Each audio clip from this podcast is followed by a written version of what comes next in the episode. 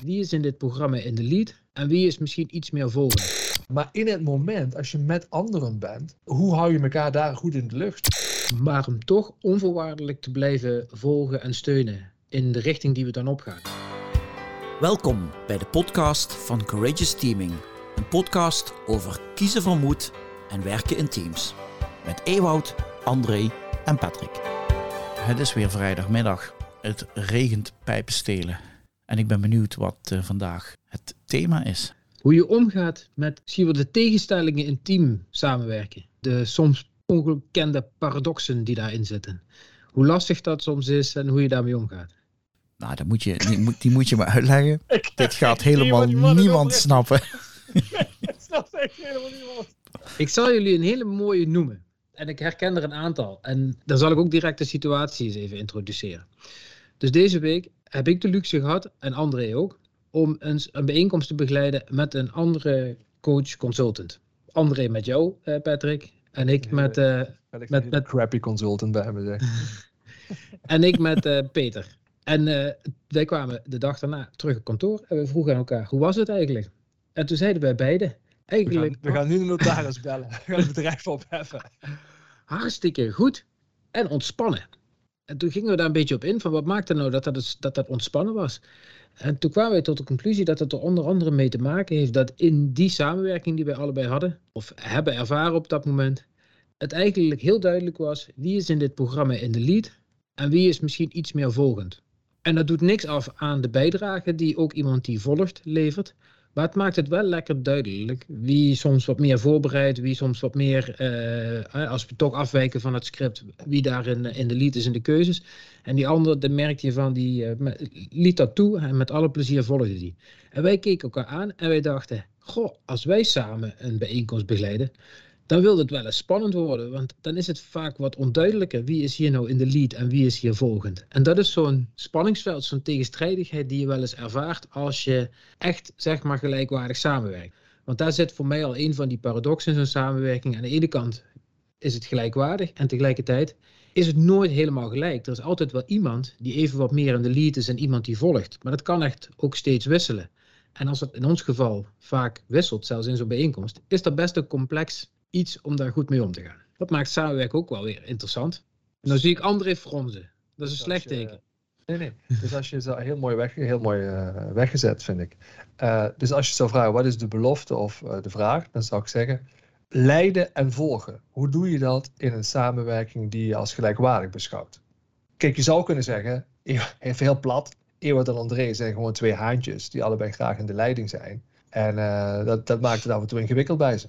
Kan, speelt zeker een rol, denk ik. Dus blijkbaar zitten wij allebei comfortabel in onze rol als we in de regierol zitten. Dat vinden we comfortabel, hebben we grip. Dus dat is een element. Tegelijkertijd is het iets complexer of genuanceerder. Want Ewart en ik hebben in ieder geval heel veel plezier aan elkaar in de voorbereiding van een, uh, een sessie. Want de botsende ideeën die we dan op tafel leggen, brengt synergie, brengt, brengt verschillende perspectieven en, en brengt eigenlijk heel vaak een aanpak uh, die we onafhankelijk van elkaar niet hadden gevonden. Dus als je dat toelaat, leidt dat tot prachtige aanpakken. Maar in het moment, als je met anderen bent, hoe hou je elkaar daar goed in de lucht? Want soms zegt de een iets waar je volstrekt door verrast raakt. Dus je denkt, wat, wat gaat die nu doen? Hoe ga je daar goed mee om? Is het natuurlijk wel zo dat op het moment dat ik met jou meega, André, of iemand anders met Ewoud, ik ga mee en dan is het automatisch volgen. Want jij weet wat je hebt afgesproken, jullie hebben ideeën hoe zo'n traject gaat. En ik kom alleen maar een dagje helpen. Ik geef dus jou de leiding. Ja, ja dat, dus, dat is, dus dat is makkelijk. Hè? Ja. Een relatief makkelijke situatie. Maar je zit natuurlijk heel vaak, en ook onze klanten veel vaker in situaties. Eeuwig gebruikte een mooie zin van tevoren, we moeten uit één mond spreken. Dat horen wij heel vaak bij onze klanten. Maar dat is natuurlijk een onmogelijke opgave. Dat, dat kan helemaal niet. Ja. Dus als je gelijkwaardig erin zit en je hebt wel de klus helemaal samen voorbereid en je bent samen eigenaar van het bedrijf en, of je geeft samen leiding aan een, aan een afdeling, ja, hoe, hoe doe je het dan goed? Dat, dat is wat ingewikkelder. Dus, dus wat anderen net zei, wat wij zelf graag willen, maar wat we van klanten ook wel eens terugkrijgen, is als zij hun organisatie aansturen of hun projectorganisatie. En ze, wat anderen zei, ze geven daar samen leiding aan, dan komen er dingen als ze willen uit één mond praten. we willen elkaar steunen, zeker niet afvallen. Uh, we willen gelijkwaardig samenwerken met elkaar, zodat ieders kwaliteiten optimaal tot terecht komen, tot, tot beste ideeën komen die voor het geheel werken. En het zijn allemaal prachtige uitgangspunten die wij ook graag hanteren. En tegelijkertijd merken wij af en toe in de praktijk, als je dat toepast, hoe ongelooflijk complex dat is, als die ander dan net even iets bedenkt wat anders is dan in mijn straatje past. Hoe ziet dat er dan uit? Iemand niet afvallen in zo'n groep als de ander denkt ik ga die kant op. Of hoe ziet het er dan uit als André even, de, even in de figuurlijke zin van het woord... Al, een half uur, een half uur het woord heeft en je denkt van ja, ik had ook nog een heel goed idee, bijvoorbeeld, toch? De bal oppakt. En jij denkt, wat doet hij in godsnaam daar nu mee? Waar gooit hij die naartoe?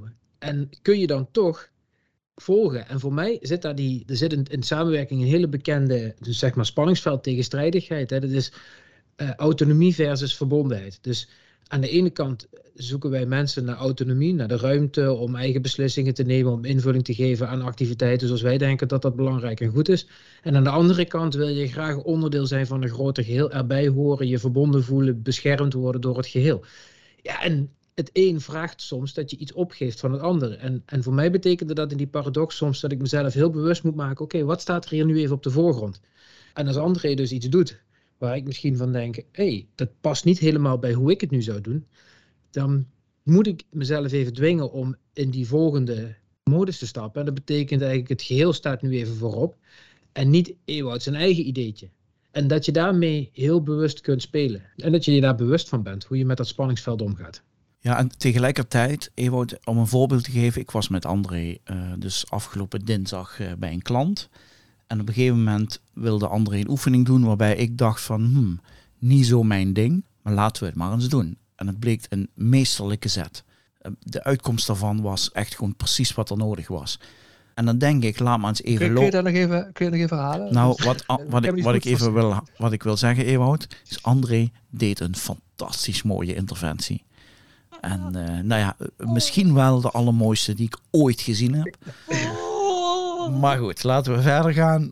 Patrick, dit is natuurlijk een fantastisch voorbeeld. Wat jij, de, de wijze waarop jij bent ingestapt is inderdaad, goh, ik ben hierin volgend. Ja. Ik ben nou benieuwd, stel je voor, je hebt vorige week een programma gehad, dat weten wij dan toevallig, waar jij eigenaar van was in Zuid-Afrika. Ja.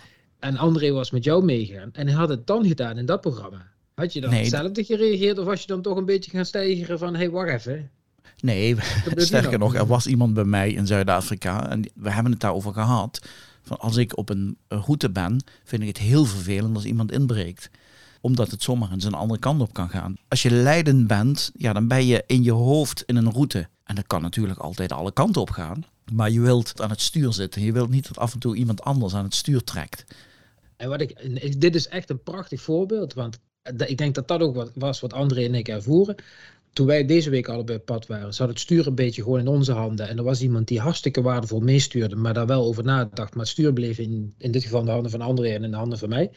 En als wij samen bij een klant zitten, dan wil dat stuur wel eens gewoon wisselen.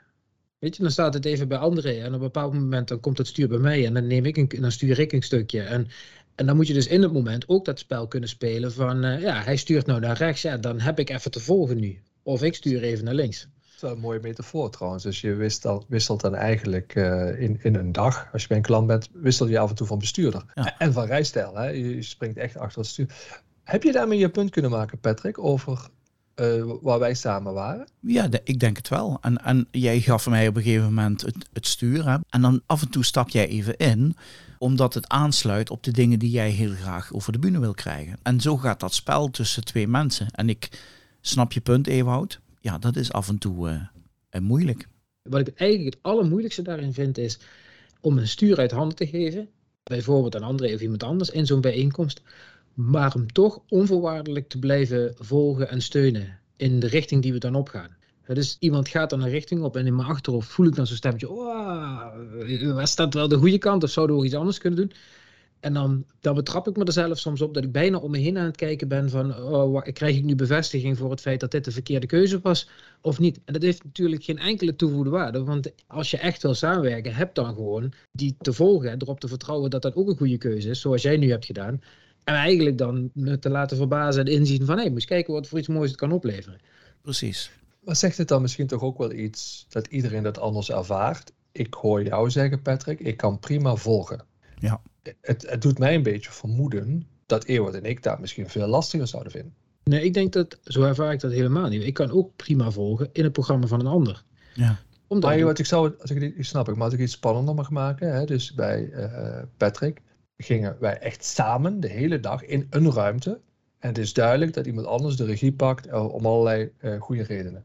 En in dit geval Patrick volgt daar heel makkelijk in daar denk ik van, god, ik denk dat onze voorkeur heeft dat we de regierol veel liever pakken. Dus ik denk dat dat ook een rol speelt, van hoe je dat persoonlijk mee zit. Ik, ik moet je zelf ook zeggen dat hoe goed ik mijn rol kan spelen, over leiden en volgen, ook heel erg te maken heeft met hoe fit ik ben.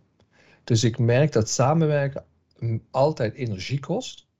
Goed afgestemd blijven, opletten, constructief blijven.